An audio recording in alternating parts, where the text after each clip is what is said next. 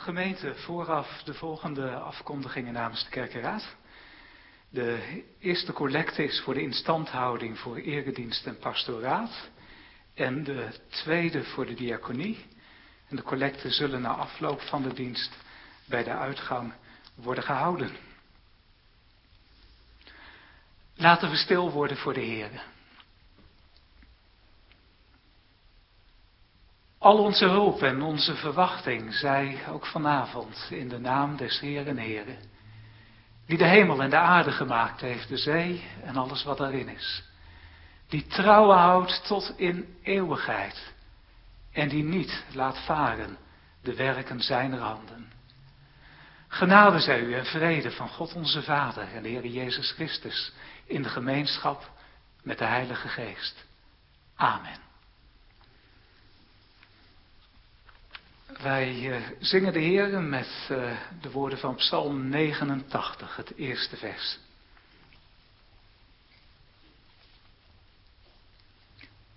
Ik zal eeuwig zingen van Gods goede tieren heen, uw waarheid allen tijd vermelden door mijn reen. Ik weet hoe het vast gebouw van uw gunst bewijzen, naar uw gemaakt bestek in eeuwigheid zal wijzen. Zo min de hemel ooit uit zijn stand zal wijken, zo min zal uw trouw ooit wankelen of bezwijken.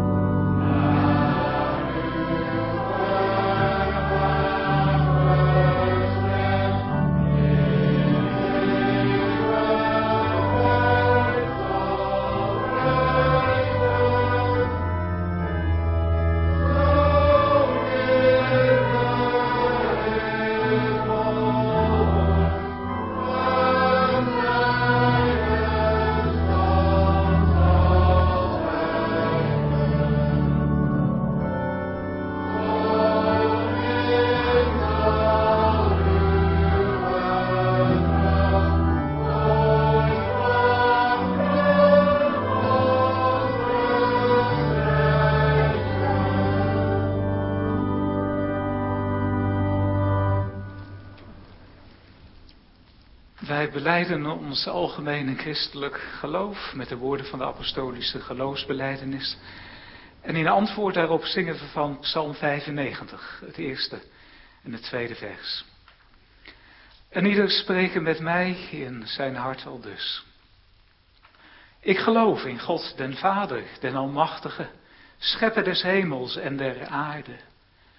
En in Jezus Christus, zijn enige geboren Zoon, onze Heer die ontvangen is van de Heilige Geest, geboren uit de Maagd Maria, die geleden heeft onder Pontius Pilatus, is gekruisigd, gestorven en begraven, nedergedaald ter helle, ten derde dagen wederom opgestaan van de doden, opgevaren ten hemel, zittende ter rechterhand Gods des Almachtigen Vaders, van waar hij komen zal om te oordelen de levenden en de doden.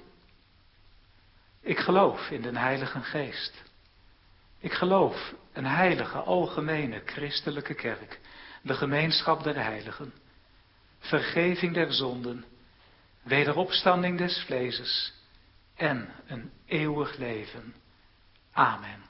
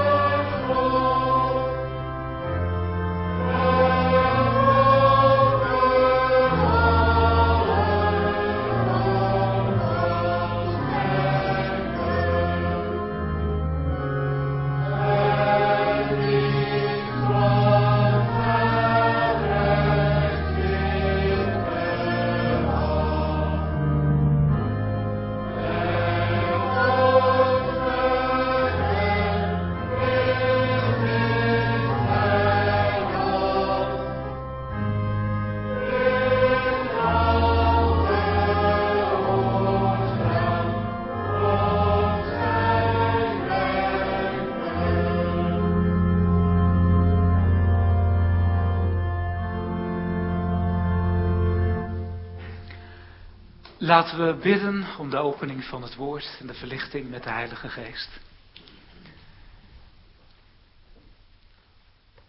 Hemelse Vader, wij prijzen uw naam als schepper van hemel en van aarde. Wij prijzen uw naam als onderhouder van ons lot. We danken u dat het in u is dat wij leven, bewegen en zijn. En in dat besef van afhankelijkheid komen we ook vanavond weer voor uw aangezicht. Met verwachting dat u zult spreken door uw geest en door uw woord. En wij bidden dat u dat vanavond ook zult doen. Dat u onze harten opmerkzaam zult maken voor uw stem. Dat u mijn woorden zult richten en in dienst nemen om uw woord te ontvouwen, zodat we als uw gemeente de schriften verstaan. En niet alleen verstaan, maar ook begrijpen wat u van ons verwacht. En dat we door de kracht van uw geest en aangespoord door uw woord ook in de welgebaande wegen zullen gaan. Dat we acht zullen geven op uw stem. Dat we ons niet zullen verharden, maar laten leiden. Heer, van nature hebben we het niet en dat weet u. En daarom geeft u ons de genademiddelen. En wij danken u dat we met vrijmoedigheid daarom kunnen vragen. In de naam van Jezus Christus, onze Heer, die samen met u en de Heilige Geest, de een ene God leeft en regeert, ja tot in eeuwigheid. Amen.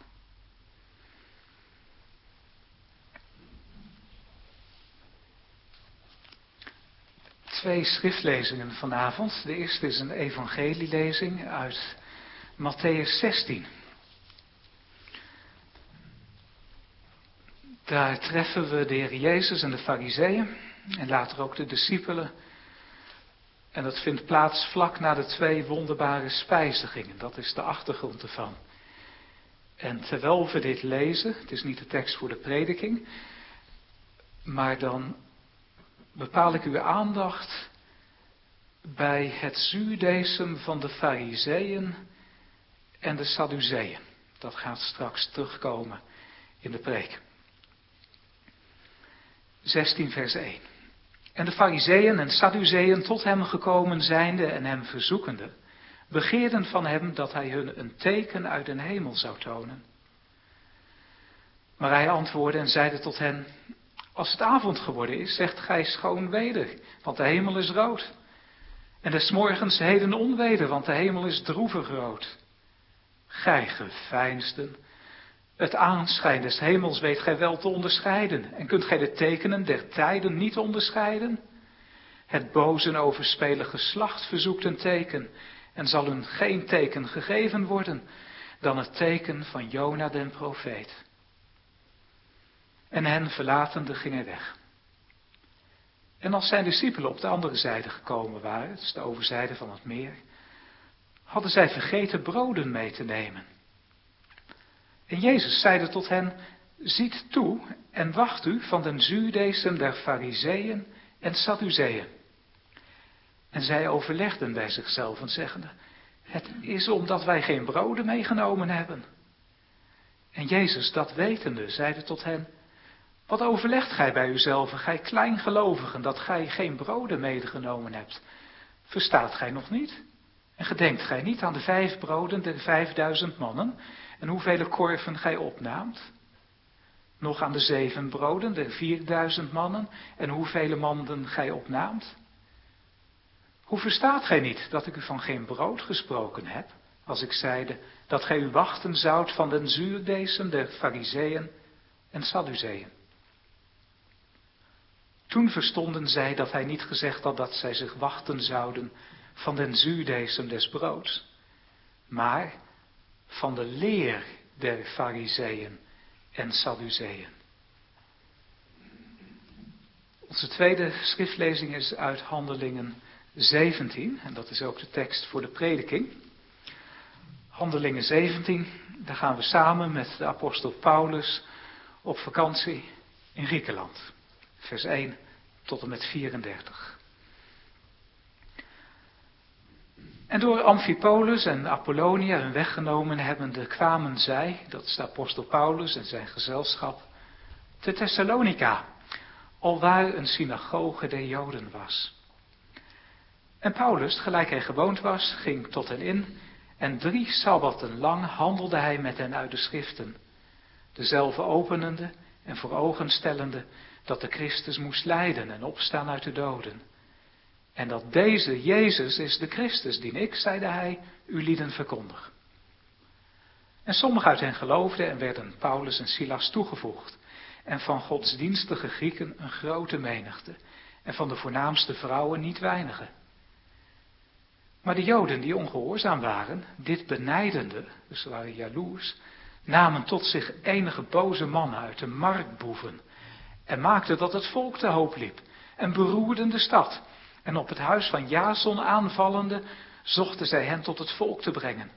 En als zij hen niet vonden, trokken zij Jason en enige broeders voor de oversten der stad, roepende, deze die de wereld in roer hebben gesteld, zijn ook hier gekomen.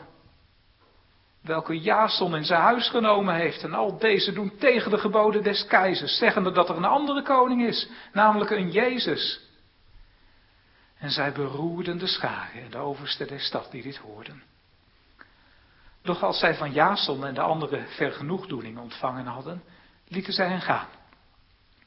En de broeders zonden terstond, des nachts, Paulus en Silas weg naar Berea, welke daar gekomen zijnde gingen heen naar de synagoge der Joden. En deze waren edelijk dan die te Thessalonica waren, als die het woord ontvingen met alle toegenegenheid onderzoekende dagelijks de schriften of deze dingen al zo waren. Velen dan uit hen geloofden, en van de Griekse eerlijke vrouwen en van de mannen niet weinigen. Maar als de Joden van Thessalonica verstonden dat het woord Gods ook te Berea van Paulus verkondigd werd, kwamen zij ook daar en bewogen de scharen. Doch de broeders zonden toen van stonden aan Paulus weg, dat hij ging als naar de zee. Maar Silas en Timotheus bleven al daar. En die Paulus geleiden brachten hem tot Athene toe. En als zij bevel gekregen hadden aan Silas en Timotheus, dat zij op het spoedigste tot hem zouden komen, vertrokken zij. En terwijl Paulus hem te Athene verwachtte, werd zijn geest in hem ontstoken, ziende dat de stad zozeer afgodisch was. Hij handelde dan in de synagoge met de Joden en met degenen die godsdienstig waren en op de markt alle dag met degenen die hem voorkwamen. En sommige van de Epicureïsche en Stoïsche filosofen streden met hem. En sommigen zeiden, wat wil toch deze klappen zeggen? Maar anderen zeiden, hij schijnt een verkondiger te zijn van vreemde goden, omdat hij Jezus in de opstanding verkondigde. En zij namen hem en brachten hem op de plaats genaamd Areopagus, zeggende, kunnen wij niet weten welke deze nieuwe leer is waarvan gij spreekt? Want gij brengt enige vreemde dingen voor onze oren. Wij willen dan weten wat toch dit zijn wil. Die van Athene nu allen en de vreemdelingen die zich daar onthielden, besteden hun tijd tot niets anders dan om wat nieuws te zeggen en te horen.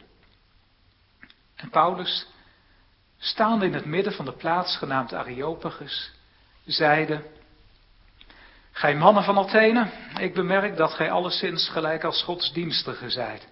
Wat de stad doorgaande en aanschouwende uw heiligdommen, heb ik ook een altaar gevonden op het welk een opschrift stond, den onbekenden God. Deze dan, die gij niet kennende dient, verkondig ik u lieden. De God die de wereld gemaakt heeft en alles wat erin is, deze zijnde een Heer des hemels en der aarde, woont niet in tempelen met handen gemaakt en wordt ook van mensenhanden niet gediend als iets behoevende, al zou hij zelf allen het leven en den adem en alle dingen geeft. En hij heeft uit enen bloede het ganse geslacht der mensen gemaakt, om op de gehele aardbodem te wonen, bescheiden hebbende de tijden tevoren geordineerd en de bepalingen van hun woning. Opdat zij de Heere zouden zoeken of zij hem immers tasten en vinden mochten, hoewel hij niet ver is van een iegelijk van ons.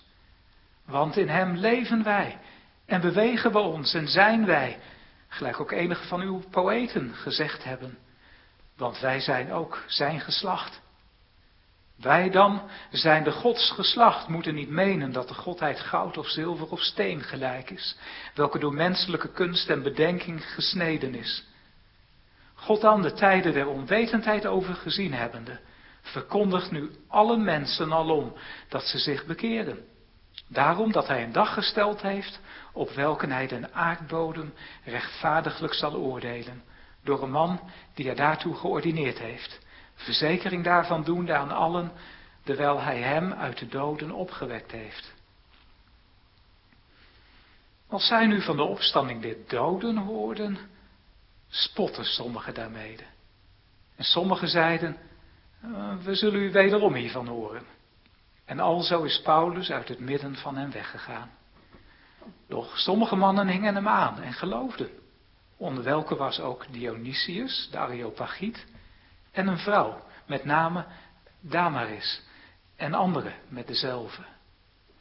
Zalig wie het woord van God hoort en het in zijn hart bewaart. Ter voorbereiding op de prediking willen we zingen van Psalm 83, de versen 1 en 2.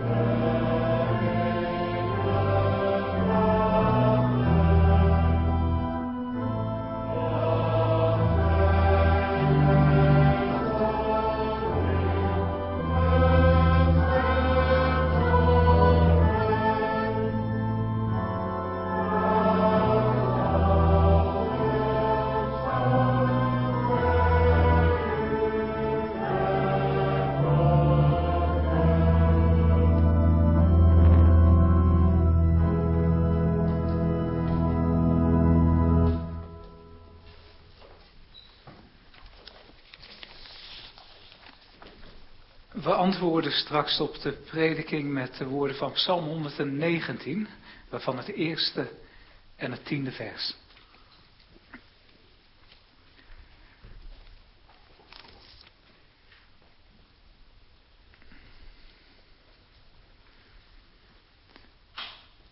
Ja, voor veel mensen in Nederland is het uh, nog vakantietijd, voor een deel niet meer.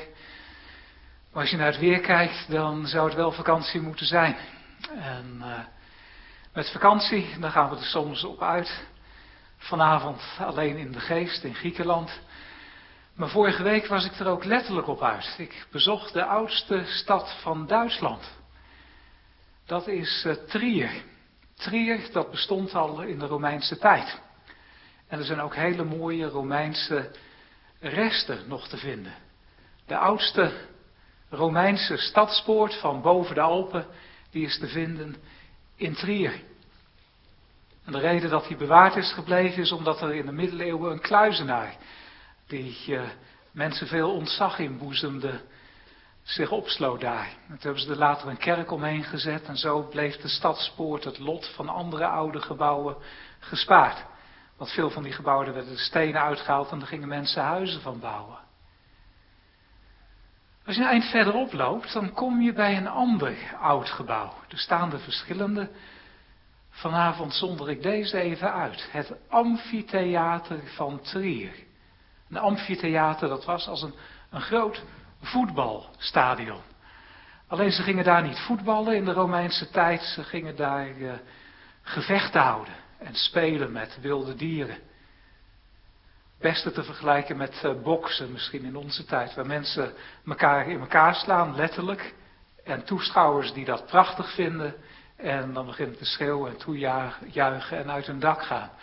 Dat soort sport hadden ze in de Romeinse tijd en die vond ook plaats in dat amfitheater van Trier, bijna 2000 jaar geleden.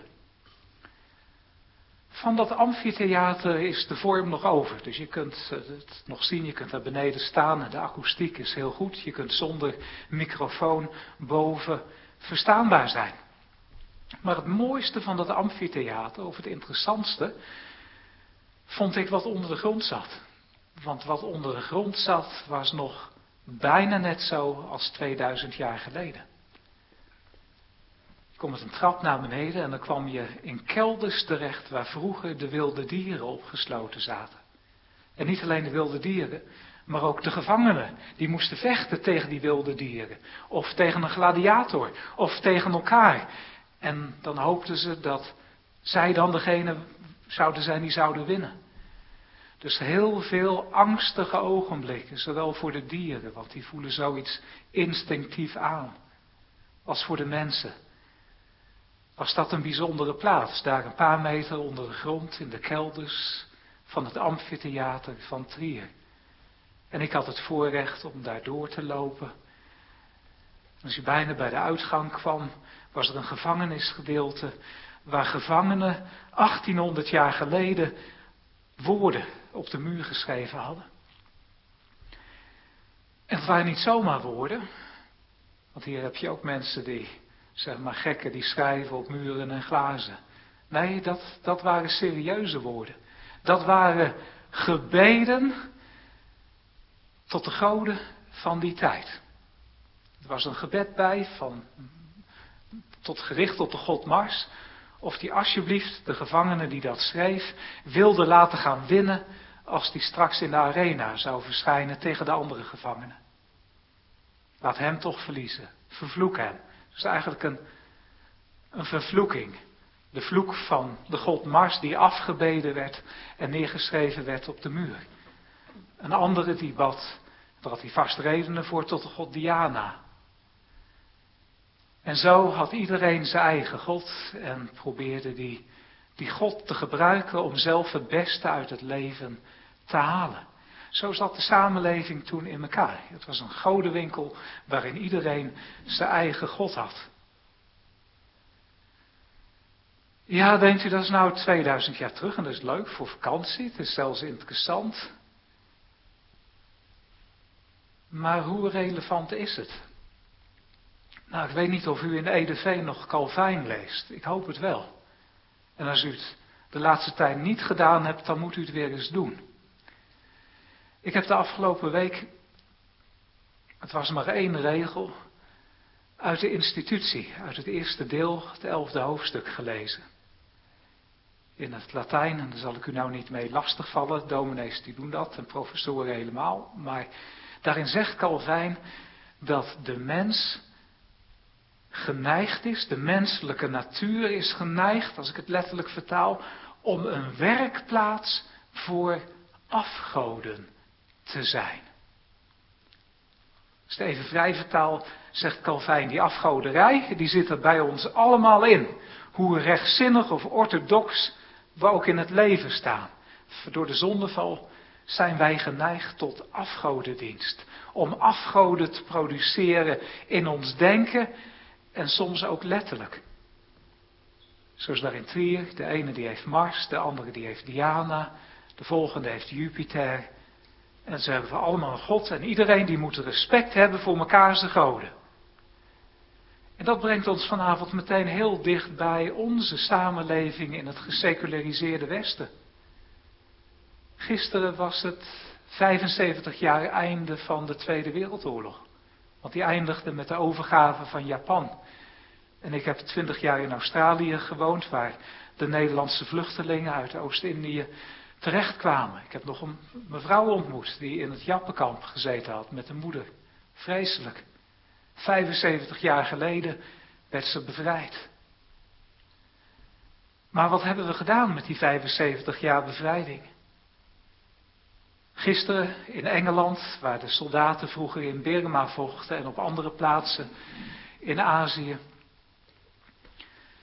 werd een deel van de viering afgelast. Er was een oud gedicht van Rudyard Kipling, een Engelse dichter uit de tijd van het Engelse wereldrijk. Toen zeg maar nog de drie enige God gediend werd en Britain rules the waves, Engeland uh, beheerst de zeeën. Er was een gedicht waarin verwijzing was naar de tien geboden, dat die goed waren voor alle mensen en dat een beeld van Boeddha een afgodsbeeld was. En de zanger in Engeland die het moest gaan zingen wilde het niet meer zingen, want hij vond het ongemakkelijk dat hij moest gaan zingen dat de ene God beter was dan de andere. Dat was racistisch of zoiets. Ja, zo is onze tijd geraakt. We hebben God niet meer. We hebben allemaal ons godsbeeld. Wij zijn de makers van onze eigen goden geworden. Een God naar onze eigen beeld, naar onze eigen gelijkenis. En wee u als u niet respect hebt voor de God van iemand anders. Want het zijn allemaal producties van mensen. Zo zit onze tijd in elkaar. Daarom is onze reis vanavond door Griekenland een hele belangrijke. Want daar, als het woord van de Heer open gaat, zien we dat er niets nieuws onder de zon is. Maar dat de Heer een woord had voor mensen die net zo in elkaar zaten als u en ik. Van nature geneigd om afgoden, een God naar ons eigen beeld te produceren. We gaan eerst kijken naar de orthodoxe afgodenfabriek. Ja, dat kan. Orthodoxe afgodenfabriek. Dat we de enig ware God dienen of denken te dienen. Maar eigenlijk met onze regeltjes en dingen er een afgod van maken. Die niet meer overeenkomt met de God van de Bijbel. Dat zien we hier gebeuren. Het is tragisch als dat gebeurt. Het gebeurde met de apostel Paulus zelf ook. Voordat hij tot bekering kwam. Die afgodenfabriek of werkplaats treffen we aan in Thessalonica. Dus zo ongeveer het noorden van Griekenland. Dan gaan we daarna met Paulus naar het zuiden rijden, een heel eind naar het zuiden, naar Athene. En daar treffen we de afgodenwerkplaats van de heidenen. Zeg maar van Mars, eh, van Diana en iedereen zijn eigen god. En zelfs een altaar voor de onbekende god. Dat is de heidense werkplaats. Maar het zijn allebei werkplaatsen van afgoden. En we kijken ook naar het medicijn. Want we kunnen nou klagen over onze tijd en over de tijd van 2000 jaar terug. Maar we willen ook weten hoe we verlost kunnen worden van die afgoden. En dat we zelf gaan stoppen om afgoden in ons hart te produceren. Daarover vinden we lessen tussenin, bij een plaatsje dat wordt Berea genoemd. Ik kom daar straks op terug. We beginnen bij Thessalonica. En door Amphipolis en Apollonia hun weggenomen hebbende, vers 1, kwamen zij te Thessalonica, waar een synagoge der Joden was. Thessalonica, dat zegt u misschien niet zoveel, maar dat was toen een hele belangrijke stad. Gesticht ongeveer in de derde eeuw voor Christus. Het lag in wat de Grieken Macedonië noemden, waar het allemaal begon, met het Griekse wereldrijk. Jongens en meisjes, die kennen wel Alexander de Grote. Dat was die grote generaal die een heel wereldrijk tot aan Indië toe veroverde. Nou, eigenlijk was zijn vader al begonnen. Die heette Philippus. En die had een stuk van Noord-Griekenland veroverd. En dat werd Macedonië genoemd. En toen daar een nieuwe stad gesticht werd, ongeveer de derde eeuw voor Christus, door generaal Cassander. Toen dacht die man, zoals wat sommigen van ons mannen ook wel eens denken, eigenlijk moet ik mijn vrouw te vriend houden, dat is belangrijk. En laten zien dat ik waardering voor haar heb. En hoe kan je dat als generaal beter doen dan een stad naar je vrouw te vernoemen? Dat is wat generaal Cassander deed. Hij noemde Thessalonica naar zijn vrouw Thessalonike. Daar heeft het de naam aan te danken. En tegen de tijd van Paulus was het inmiddels een van de belangrijkste steden van het Romeinse Rijk geworden. Het lag aan een belangrijke handelsroute. En in de loop van de eeuwen werd het alleen maar belangrijker. Dus het was niet niks, Thessalonica. Het was uh, zoals je Nederland of uh, Utrecht of Rotterdam bezoekt. Zoiets. En dan lezen we over synagogen der Joden. Paulus, gelijk hij gewoon was, ging tot hen in en drie sabbatten lang handelde hij met hen uit de schriften. Daar zien we iets over de werkmethode van de apostel Paulus. Hij gaat het eerst naar de mensen die zich laten gezeggen door het woord van God. Want voor hun is het evangelie in de eerste plaats bedoeld. Eerst voor de Joden, dan voor de Griek. Beminde om de Vader wil en ze houden van het woord van God. Ze komen er wekelijks rondom het woord van God bijeen. Want dat is wat letterlijk synagoge betekent. Dat is uit het Grieks van synagogos. Van bij elkaar komen. Net zoals wij vanavond hier bijeen zijn, kwamen mensen toen ook bijeen rondom het woord. Daar had je tien mannen voor nodig. Vandaar dat toen Paulus voor het eerst overkwam met dat visioen van: Kom over naar Macedonië en help ons. Zie, Macedonië. Toen kwam hij daar bij de rivier. En er waren vrouwen aan het bidden, want er was geen synagoge, ze hadden geen tien Joodse mannen om het woord te openen en een dominee om eruit te preken. Dus de vrouwen die gingen bidden. Mogelijk gingen ze bidden om genoeg gelovige mannen te voorzien, zodat er ook een synagoge zou komen. Dat is voor ons als gemeenten ook heel belangrijk. U hebt een predikant, maar u bent een tijdje vakant geweest daarvoor, vier, vijf jaar geleden. Dan is het belangrijk om niet zelf allerlei dingen te gaan organiseren, maar dat we afhankelijk zijn van de Heere God. Dat we gaan bidden. Ook als u nieuwe ambtsdragers moet kiezen in uw gemeente. En ze zijn er niet. Dan moet u niet denken, nou die kan er wel ongeveer mee door, maar eigenlijk. Nee, dan moeten we als gemeente gaan bidden dat de Heer het leven van mannen in ons midden zo verandert dat ze opgericht worden voor Hem. En dat we de vrucht van de geest zien en met vrijmoedigheid kunnen zeggen, dit is een gave van de Heer aan de gemeente. Dit heeft de Heer gedaan en niet wij. Want ook in onze orthodoxe kring kunnen we zo gemakkelijk duizend en één dingen regelen, zelfs preekbeurten tot twee jaar vooruit. En dan s'morgens bidden of de Heer vanmiddag weer iemand mocht zenden. Dat is niet helemaal eerlijk. We moeten afhankelijk zijn van de Heer. En natuurlijk moet je dingen regelen en doen, dat is belangrijk. Diakenen zijn ook een gave aan de kerk. Maar we kunnen het ook laten overnemen zodat we zelf alles beheersen. En dan achteraf zeggen dat de Heere God het gedaan heeft. En als we zo in het leven staan, dan krijgen we ook geen geloofzekerheid, want we doen alles zelf. Paulus komt tot het woord en tot de mensen die belangstelling hebben voor het woord. In dat openen gaat hij er ook over spreken. En dat doet hij op het punt waar de Joden zijn. U zult straks zien dat hij bij de heidenen anders gaat doen. Die weten niks van de Bijbel en van Christus af, dus dan begint hij op een andere plaats. Maar hier bij de Joden, die weten van de Messias, van de beloofde Christus en de belofte daaromtrent.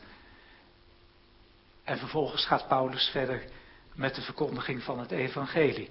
Dat de Christus lijden moest en opstaan uit de doden en dat deze Jezus, onthouden jullie nog zijn naam? Wat betekent Jezus? De God had tegen Jozef gezegd, Jehovah zal redden, de Heere zal zijn volk zalig maken. Ja, dat is wat Jezus betekent. En soms denken we dat dat tweede, de Christus, een achternaam is. Maar dat is het niet. Christus is Messias, de gezalfde. En de ouderlingen vanavond, die weten natuurlijk welke drie soorten mensen in het Oude Testament gezalfd werden. De profeten, de hoge priester en de koningen. We weten het van koning David, die werd al gezalfd nog voordat hij koning werd. En daarin werd de zalving ook een beetje van een profetie, waarin de Heere God door de zalving liet zien wat hij zou gaan doen, dat het een bevestiging was dat, dat zijn woord echt waar zou zijn. En hier zien we de Christus. Het Joodse woord is Messias, waarvan de Joden weten. Ze hebben over hem gelezen in de Bijbel. De leidende knecht des Heren. In Daniel, dan heb je diverse rijken die aangekondigd worden. En dat in een bepaald rijk, wat juist toen aangebroken was, de Messias zou komen. Dus ze wisten van die dingen. Paulus die sluit erbij aan en zegt, deze Jezus die verkondig ik u. En hij vertelt dan ook dat, dat Christus de leidende knecht was en dat hij moest opstaan uit de doden. Dus met hen kon hij iets verder gaan over de doorbreken van de vloek van Genesis enzovoort. Ja, het resultaat, sommigen uit hen geloofden en werden Paulus en Silas toegevoegd en van godsdienstige Grieken een grote menigte, van de voornaamste vrouwen niet weinige, maar de Joden die ongehoorzaam waren. Ja, even op dit woordje letten, ongehoorzaam waren. Dat zien we later ook omgekeerd terug, dat er dat de mensen gehoorzaam zijn aan het woord van God. Het woord van God dat stelt altijd voor een keuze. De heer Jezus zegt dat ook in het evangelie. Gij zijt mijn vrienden. Als je goed voelt over Jezus. Als je gelooft theoretisch dat hij is opgestaan uit de dood en dat soort dingen. Nee, zegt de Heer Jezus, gij zijt mijn vrienden als jullie doen wat ik jullie gebied. Dat klinkt heel wettisch, maar dat is het niet. Want wat de Heer Jezus voor ons wil en wat Hij gebiedt, dat is goed voor ons. Hij heeft ons gemaakt, Hij weet hoe we in elkaar zitten, wat het beste voor ons is. Ik ben als student een keer heel dom geweest. Ik had een uh, magnetron en een recept voor een, uh, een cake voor een combinatieoven. En dat recept dat bleek niet voor de magnetron te zijn, maar voor als je de op overstand zette. Dus u kunt raden wat er gebeurde. Er zat veel suiker in en het ging allemaal verbranden. En een mevrouw waarbij ik uh, kamer huurde, die was helemaal niet blij. En ik heb urenlang besteed aan schoonmaken. Ja, want je moet dingen gebruiken volgens een gebruiksaanwijzing. Als je het niet op de goede manier doet, dan, dan stinkt de keuken. En zo zit het met Gods regels ook in elkaar. Die zijn ons ten leven. Die zijn goed voor ons. Breng scheiding tussen ons en de Heer Jezus als we anders gaan wandelen. Maar die liefde voor de Heer Jezus, die heeft ook de keerzijde. Dat het ons wapent tegen de afgoden. En dat die afgoden ons verdriet gaan doen. zien we later bij Paulus. Als die naar Athene komt, dan raakt de geest in hem ontstoken. Want hij heeft de Heer Jezus lief en hij ziet hoe die afgoden scheiding maken en, hoe die mensen afgetrokken worden van de ware God. Afgoden gaan pijn doen. Als we de Heer lief hebben. Maar ja, deze Joden die willen ongehoorzaam zijn. Niet gehoorzaam, maar bewust ongehoorzaam. Soms doet het evangelie dat ook aan mensen. Dan verharden ze zich, net zoals Farao. En deze mensen die valse goden maken, die hebben een paar kenmerken die we vandaag ook zien. Een van de belangrijke dingen waaraan u dat soort mensen kan herkennen, is dat hun regeltjes en dat zij in controle zijn voor hun heel belangrijk is. Deze mensen ook. Ze raken jaloers, want er zijn een heleboel aanzienlijke vrouwen. En van de Grieken, zeg maar. Dus de invloed op de heidenen. Want die had je ook Grieken die in God waren gaan geloven. Die kwamen ook naar de synagogen. Juist die mensen, die gaan de leer van Paulus aanhangen. En dat willen ze niet, want nou raken ze controle kwijt over die mensen. En dan zijn ze bereid om heel ver te gaan. Ook om bondgenoten te maken met hele slechte mensen om hun doel te bereiken. Want het doel heiligt de middelen bij afgodendienst. Ze gaan naar de marktboeven toe. Toen wij in Trier waren vorige week, toen zijn we ook een dagje naar Frankrijk gereden. In Frankrijk, daar in Noord-Frankrijk, daar heb je een stad die heet Metz. Dat is een hele oude kathedraal en nog meer mooie dingen. En we dachten dat is de moeite, moeite waard. Een deel van mijn familie was nog nooit in Frankrijk geweest, dus uh, wij naar Metz toe. Hele mooie kathedraal inderdaad. Maar voor de kathedraal, daar zat een meisje, jaar of twintig. Je kon zien dat ze de make-up eraf gehaald had. En die zat te bedelen. Ze had het niet echt nodig, behalve misschien voor drugs. Maar bedelen deed ze. Toen we de kathedraal uitkwamen, toen kwam er juist een van die loesje figuren met een soort halve pyjamabroek aan en een geldbuidel om zijn middel. Die kwam vragen of ze genoeg geld gebedeld had en of die kon uh, krijgen nou. Nee, ze had nog niet genoeg uh, gekregen, zei ze. En later kwamen we weer zo iemand uh, tegen op een andere plaats in de stad. Marktboeven.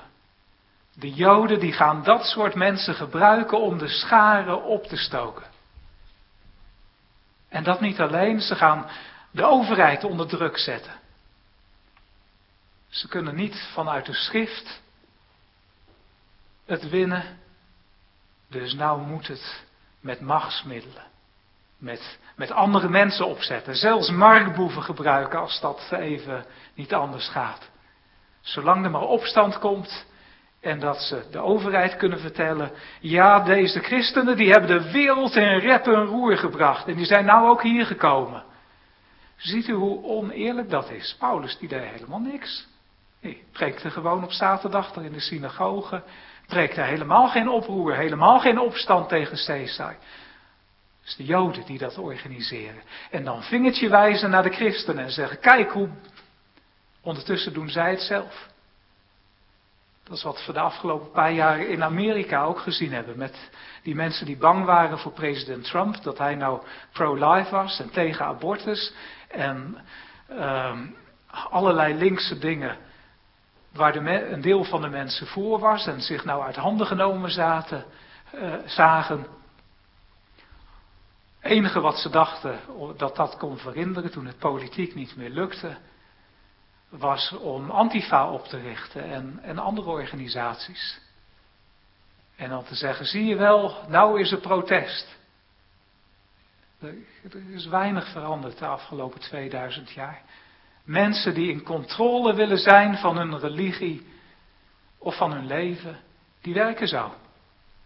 Het is niet genoeg dat de waarheid hier is en dat eh, ik een preek en weer naar huis ga, wat u ermee doet of niet mee doet. Ik zal niet morgenavond bij u komen aankloppen om van horen eens even. Nee, Gods woord is waarheid en dat kunt u vermijden en ongehoorzaam zijn tot uw eigen oordeel. Maar ik sta daar ontspannen in. Voor mij is het alleen belangrijk dat ik vanaf de preekstoel trouw het woord van de Heer aan u doorgeef. En verder maakt het voor mij als mens niet uit. Ik zou het jammer vinden, maar daar houdt het op. Maar deze mensen zijn anders. We hebben dat in Nederland ook wel gezien. Ik zal niet in details treden, maar mensen die een bepaalde levensstijl hebben, die de Bijbel veroordeelt, die willen dan ook hebben dat alle mensen om hen heen zeggen dat het goed is dat ze zo leven. En dat, u begrijpt het wel, dat is dezelfde geest. Want wij zijn in beheer van onze godsdienst, van wat goed en verkeerd is. En als samenleving besluiten we dat. Dus als de meerderheid zegt dat het oké is om die God te hebben, of om, om zo te leven, of om iets anders te doen, dan hebben we samen besloten dat het goed is en dan is het aanstootgevend. Als je van die nare christenen hebt die zegt, nee, is een God in de hemel, die is waar. En als zij zegt dat het verkeerd is, dan blijft het verkeerd. Wat ik er ook al van vind. Ja, die Joden die kunnen dat niet verdragen. En uh, gelukkig was er een Romeins Rijk in die tijd. Een van de kenmerken van het Romeinse Rijk was dat er recht was. We, we, weten dat nog van de apostel Paulus en zijn burgerrecht. Hij kon zich op Caesar beroepen toen de Joden hem wilden vermoorden daar in Jeruzalem. En toen werd hij door de gouverneur gepost naar, naar Rome. Want dat Romeinse burgerrecht, dat betekende iets. Want er was recht in de samenleving. Niet altijd, maar over het algemeen gesproken wel. We zien dan ook dat de christenen hier, dat als zij van Jason en de anderen vergenoeging ontvangen hadden, lieten zij hen gaan. En dan uh, ja, gaat Paulus s'nachts op weg. Misschien heb je dat ook wel eens gedaan met je vader en moeder. Als je op vakantie ging, sommige ouders die houden ervan om dan uh, s'nachts door te rijden naar Italië of zo. Mijn ouders hebben dat ook wel eens gedaan. Dan ga s'avonds al weg en dan uh, soms even stoppen om te rusten en iets te slapen, maar dan, ja, wij deden dat omdat we eerder op de vakantiebestemming wilden zijn, maar Paulus die deed dat omdat zijn leven gevaar liep.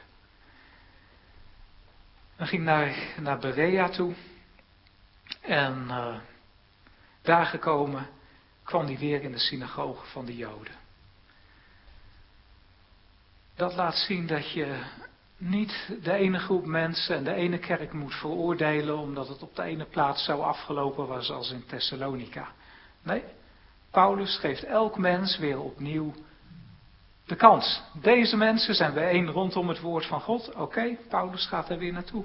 En kijk hoe verrassend, deze waren edeler dan die Thessalonica waren, als die het woord ontvingen met alle toegenegenheid, onderzoekende dagelijks de schriften of deze dingen al zo waren. U ziet het verschil in houding.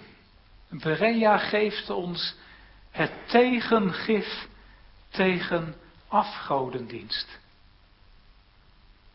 Het tegengif, dat is in Nederland niet zo belangrijk. Maar ik heb twintig jaar in Australië gewoond en tegen de wildernis aan, waar ons huis stond. En daar kan tegengif belangrijk zijn.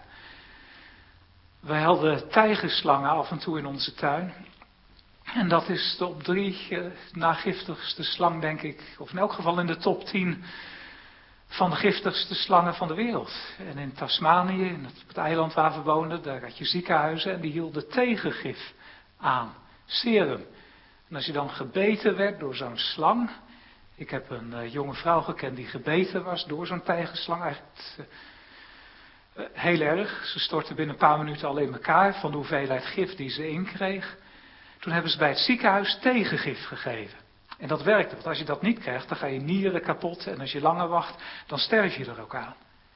Maar ze hebben alle tegengif wat in het ziekenhuis aanwezig was, hebben ze in de aderen gepompt en wonde boven wonde, zelfs haar nieren waren niet beschadigd. Tegengif. Zo is er ook tegengif tegen de dodelijke afgodendienst in ons hart. Tegen die werkplaats die, die, die ook in mijn hart weer aan de slag wil. Als je het even de kans geeft. Dat is wat we zien hier in Berea. Namelijk dat we beseffen dat er een autoriteit is, een gezag is dat boven ons staat. Het woord van God. Uiteindelijk is het woord van God de waarheid. God die heeft hemel en aarde gemaakt en wat hij spreekt is waar. En wat wij mensen vinden, dat kunnen we eigenlijk voor kennisgeving aannemen. Want dat gaat de waarheid niet veranderen. Wij kunnen met z'n allen gaan geloven dat het uh, in Australië 50 graden is geworden vandaag. Maar ik kan u verzekeren, hoe hard we ook geloven, daar kunnen we het met, met elkaar over eens zijn, maar het is niet waar. Het wordt geen 50 graden in Australië. En helemaal niet in hele Australië. Dus we kunnen het geloven, maar het is onwaar. Het zit eigenlijk op hetzelfde vlak als historisch geloof. Dat geloof van de duivel, die ook gelooft dat Jezus uit de dood is opgestaan. Dat hij gestorven is voor de vergeving van zonde, maar uiteindelijk zelf ongehoorzaam blijft. Nee, wij moeten gehoorzaam worden. Wij moeten ons bewust gaan stellen onder dat gezag, onder dat spreken van de levende God. En dat de doorslag laten geven. En gewoon gaan onderzoeken of de Bijbel dat zegt of niet. Als de Bijbel het niet eens is met de leer van Paulus, best, dan heeft Paulus geen gelijk en dan gaan de mensen in Berea verder zoals ze bezig waren. Maar als het wel een boodschap van de Heere God is, dan is het zaak dat we echt de Heere heel goed verstaan. En die mensen waren er ook bereid voor om moeite daarvoor te doen. Niet alleen zondag in de kerk, nou ja, misschien wel twee keer en hebben we onze plicht weer gedaan. Nee, het ging hun echt om het verstaan van de stem van de Heere. En ze doen daar dagelijks moeite voor. Dat is voor u en mij heel gemakkelijk. Wij pakken onze Bijbel erbij en die doen we open thuis. Maar in die tijd had je geen Bijbels thuis en geen boekdrukkunst.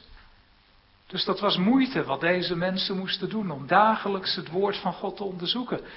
Maar ze beseften, het is van levensbelang. Wij willen de stem van de Heere God juist verstaan op dit punt. Want het gaat over de oordeel van ons lichaam en het oordeel van ons lichaam en onze ziel. Onze eeuwige toekomst. Onze gehoorzaamheid aan de levende God ook. Dus dat is het tegengif. Als u niks van de preek van vanavond gaat onthouden, onthoud dit.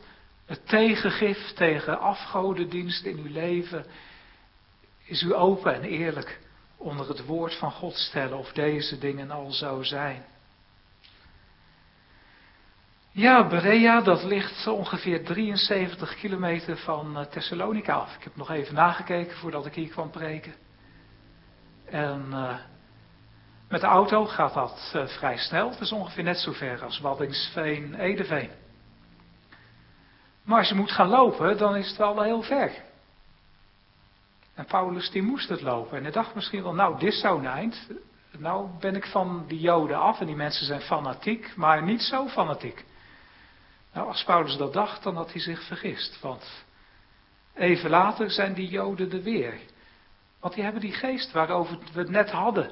Ze willen zelf in controle zijn, dus ze vinden dat andere mensen ook openbaar net zo moeten vinden als zij. En dat hun regeltjes net zo toegepast worden door die andere mensen, want, want het is hun godsdienst, het is hun godsbeeld, het is hun afgod.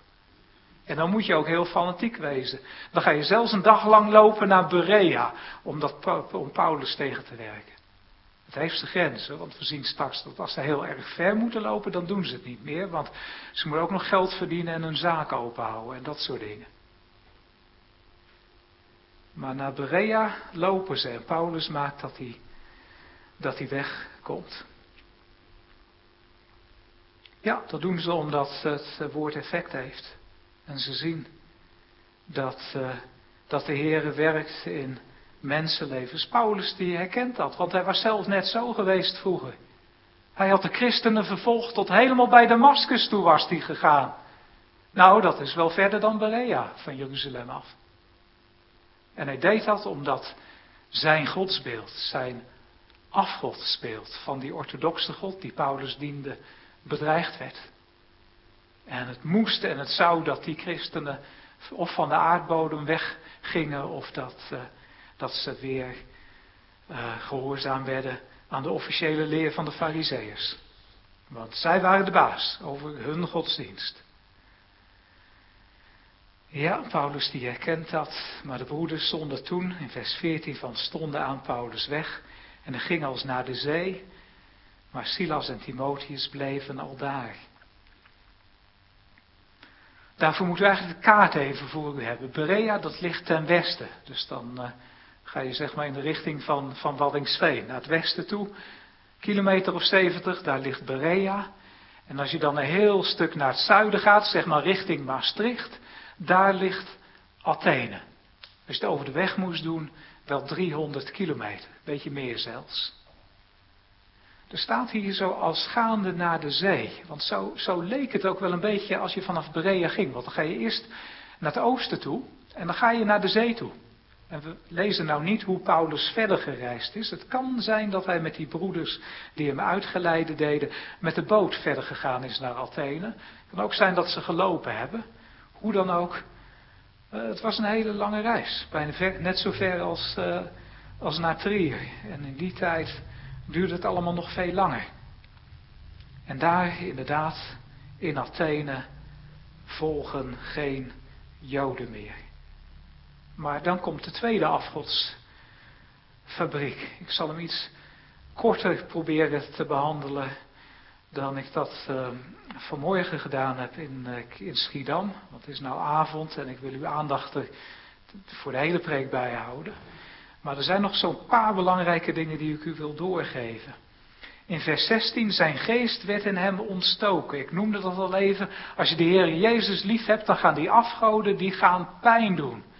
Het is alsof je nou met een, met een naald geprikt wordt of tussen de dorens terechtkomt. Als je bramen gaat plukken en het, eh, je komt daar bij de dorens en doet pijn en wil je hand terugtrekken. Want het is onplezierig.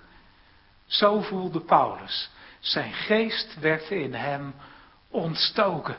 Het deed pijn omdat er liefde voor de Heer Jezus was in zijn hart. Al die goden, die hele fabriek met Diana, met Mars, met Jupiter. En dan de, de Griekse namen daarvan natuurlijk. Want de Romeinen hadden grotendeels de, de Griekse godennamen gevolgd. En dan zelfs ook nog later dat, dat, dat altaar voor de onbekende God. Zodat er geen eentje gemist werd. Beetje zoals met het Rooms-Katholicisme in de middeleeuwen. Dat we een heilige hebben voor, voor alles. Voor als je je sleutel kwijt bent. Of wanneer je een baby wil krijgen. Of bedenk enig iets en er was een heilige voor die je kon aanroepen. Dat hadden de Romeinen ook. En deze mensen in Athene ook. Iedereen had zijn eigen God. Maar de grootste misdaad was als je niet de goden van de andere mensen respecteerde. Ziet u hoe dat lijkt op uh, de BBC en de Engelse viering van 75 jaar einde van de oorlog? Nee, je mag geen ene God meer boven de andere stellen. En later, dan worden de christenen in het Romeinse Rijk ook uh, krijgen ze de doodstraf alleen door te zeggen dat Jezus Heer is en niet Caesar. De grote misdaad was dat je niet loyaal wilde zijn aan wat andere mensen als goden beschouwden. Want uh, ja, ik heb mijn God, jij hebt de jouwe en dan, dan is het uh, respectloos als je geen respect wil hebben voor, uh, voor de God van iemand anders. En dan is het respectloos als je zegt dat de God van de tien geboden belangrijker is dan het beeld van Boeddha dan mogen we dat niet meer zingen op de nationale omroep. Athene lijkt heel erg op Nederland 2020. Ik beweeg een heel stuk verder als Paulus dan gaat spreken op de Areopagus. Hij krijgt allerlei gelegenheden uh, doordat hij doet wat zijn hand vindt om te doen. En dan wordt hij uitgenodigd door twee hele belangrijke wetenschappelijke stromingen uit die tijd. Uh, in onze tijd spreken we van wetenschappers. In die tijd sprak men van filosofen. En er waren twee belangrijke stromingen van, uh, van wetenschappers, scholen zou je dat kunnen noemen. De een dat waren de Epicureeën, de andere de Stoïcijnen.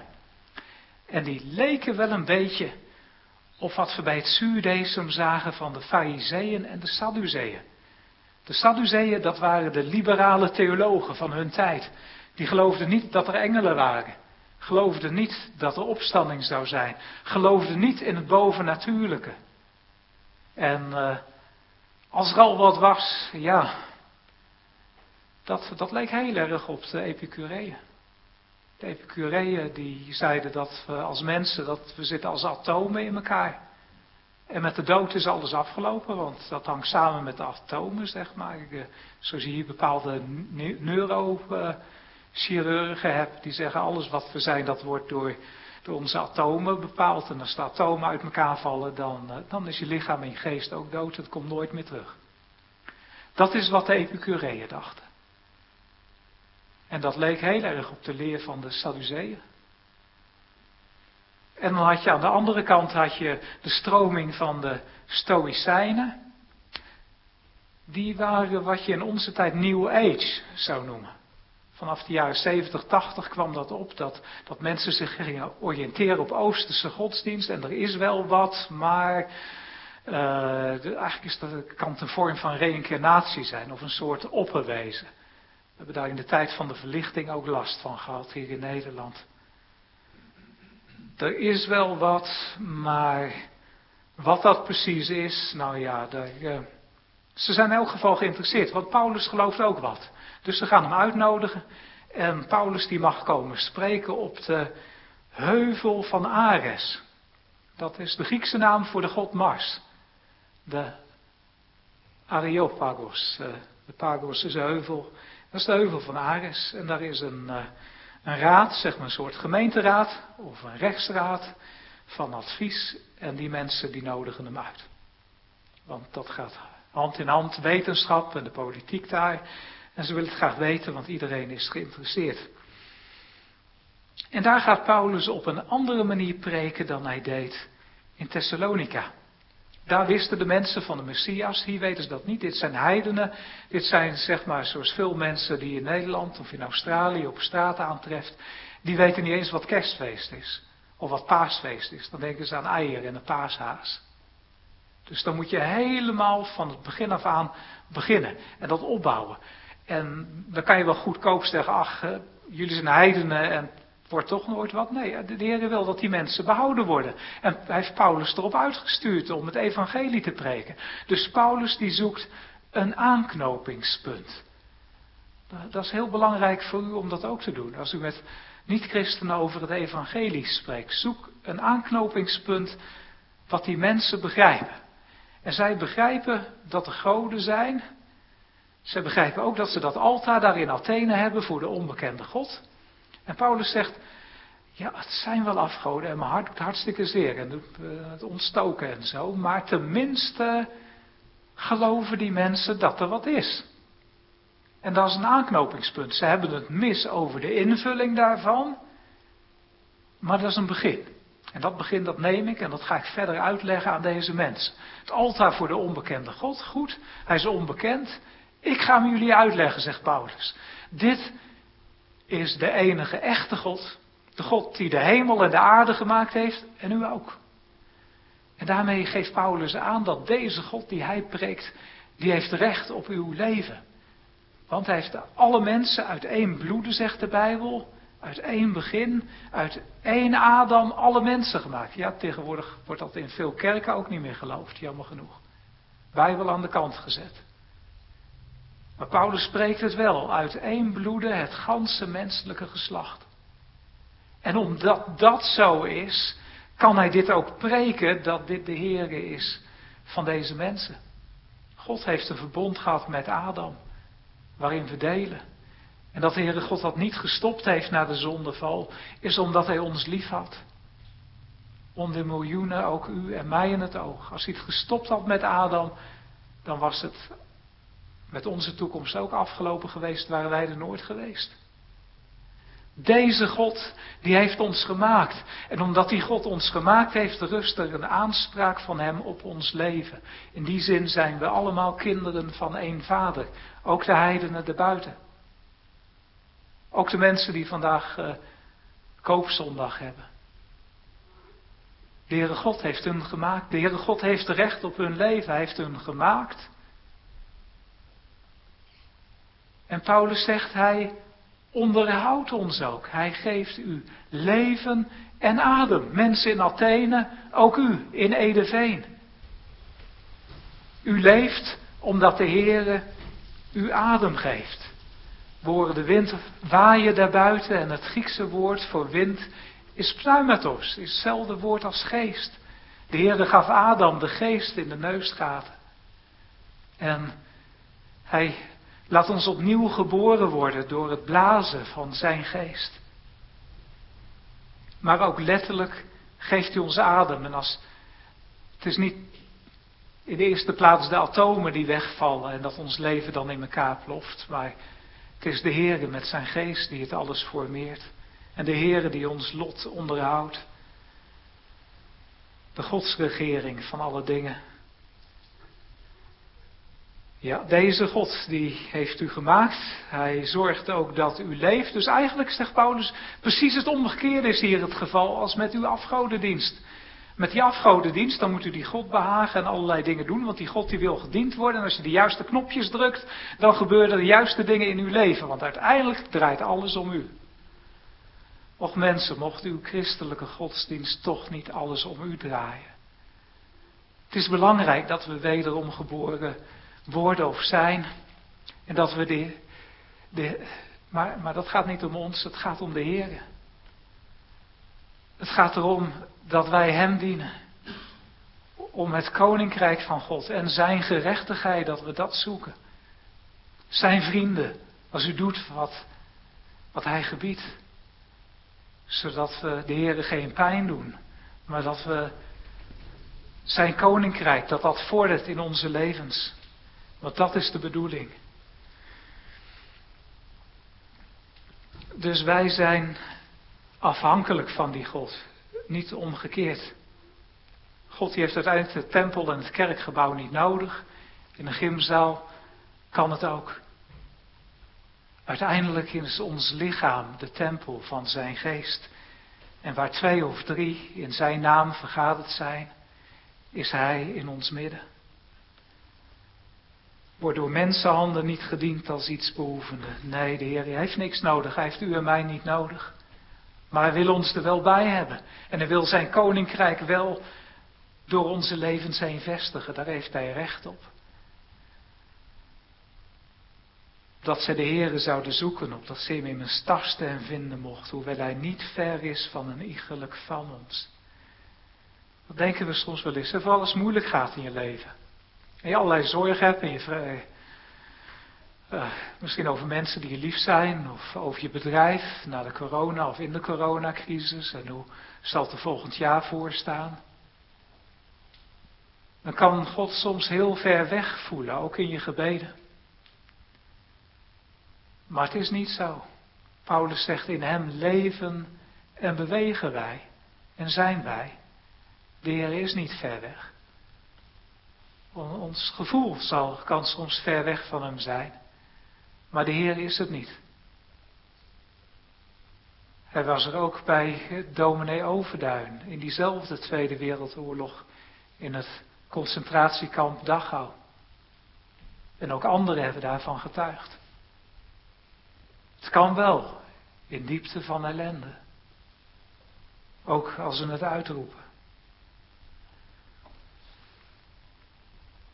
En dan spreekt Paulus verder over, juist over dat koningschap van de Heer Jezus. Tegenwoordig wordt op een hele andere manier het evangelie verkondigd. Als een soort consumentendienst, als een kerkelijke McDonald's. Dat wij mensen de kerk in moeten halen door een positieve boodschap te brengen. Dat ze kunnen zien, nou, dit, uh, als je Jezus gelooft, dan wordt alles goed. En dan heb je gezondheid en dan gaat alles goed met je bedrijf. Uiteindelijk, als je maar genoeg geloof hebt, enzovoorts.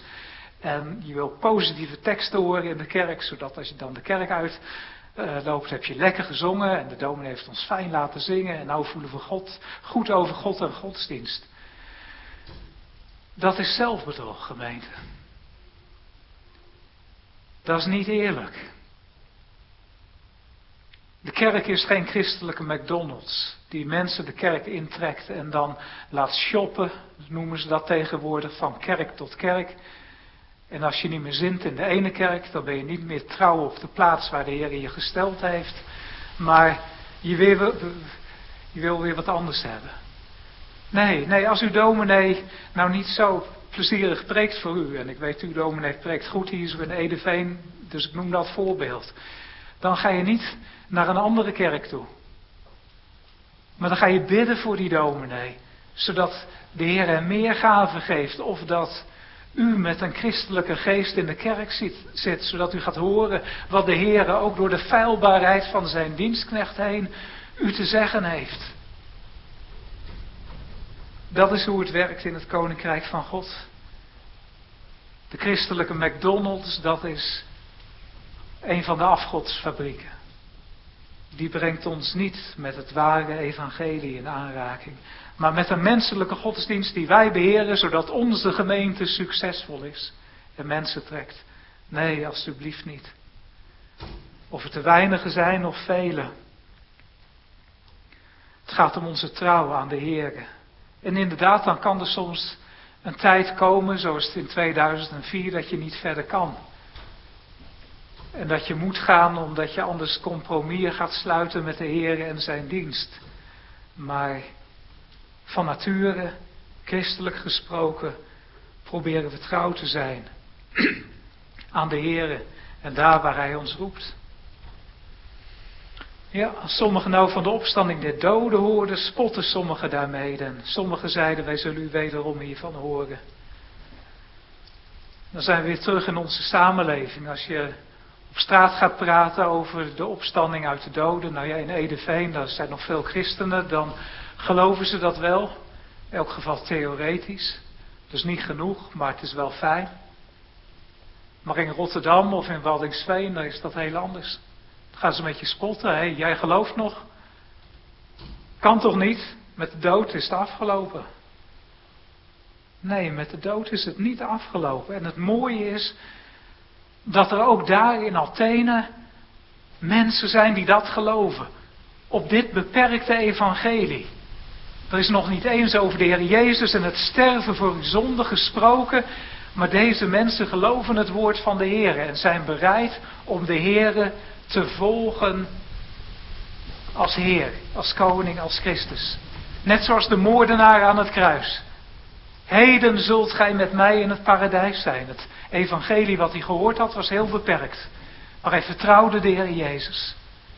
Zo gaat de Heere God ook met deze mensen verder, met Dionysius, met Damaris en met anderen en met u en met mij in Edeveen. Mag de Heere de naprediker zijn van de prediking van Handelingen 17. Amen.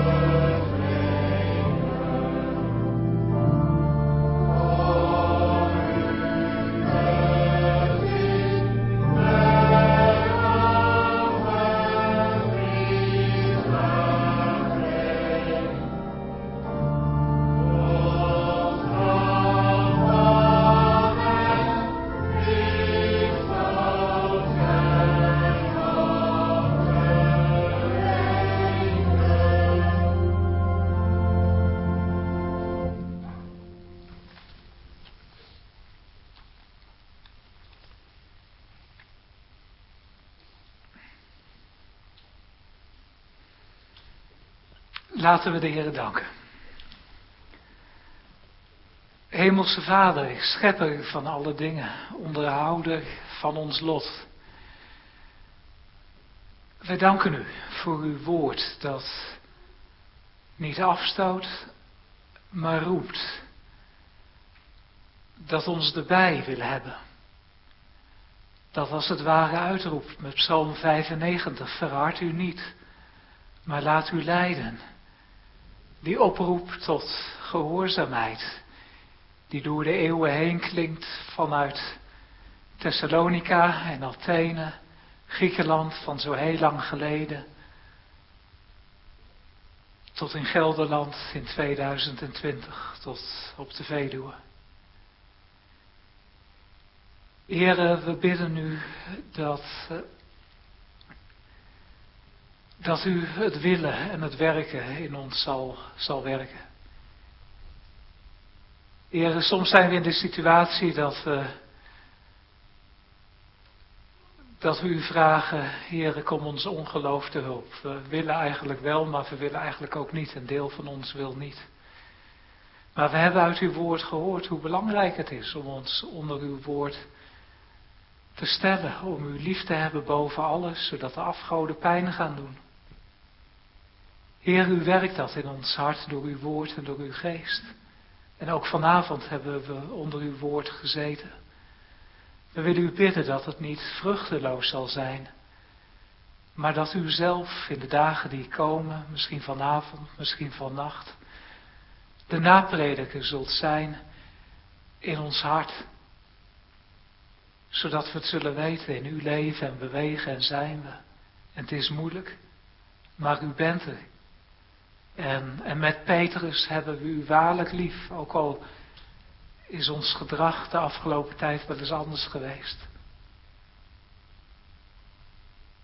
Heren, we bidden voor uw kerk, dat u uw kerk gehoorzaam zal houden in deze dagen van afgodenfabrieken, waarin mensen hun eigen wegen gaan en goden produceren naar eigen beeld en gelijkenis, die iedereen ook maar mooi moet vinden. En oh wij als we het niet doen. Heren, tijden waarin er kerkverbanden zijn die jarenlang bijbelgetrouw waren, maar het nou na 2000 jaar lang beter weten dan uw kerk en eigen wegen gaan. Heren, mocht u er nog terugroepen. Wilt u ons ervoor behoeden? Want we weten het uit Calvijn en uit uw woord dat die afgode werkplaats ons aller eigen is. En dat de deur zo weer opengetrokken kan worden en dat we dan aan de gang gaan. Heere, behoed ons daarvoor. Door uw woord, door uw geest. Door het liefhebben van u boven alles en onze naast als onszelf. Dan vallen zoveel dingen op de juiste plek in ons leven. Ga zo met ons, als wij van hier gaan, zegen ons nog deze avond. Behoed ons deze nacht. Bescherm ons met uw engelen, zodat zij ons behoeden en wij in vrede kunnen wonen en gerust nederliggen op ons bed vanavond. Dat bidden we in naam van onze Heer Jezus Christus. Amen. Onze slotzang is Psalm 82, daarvan het tweede vers.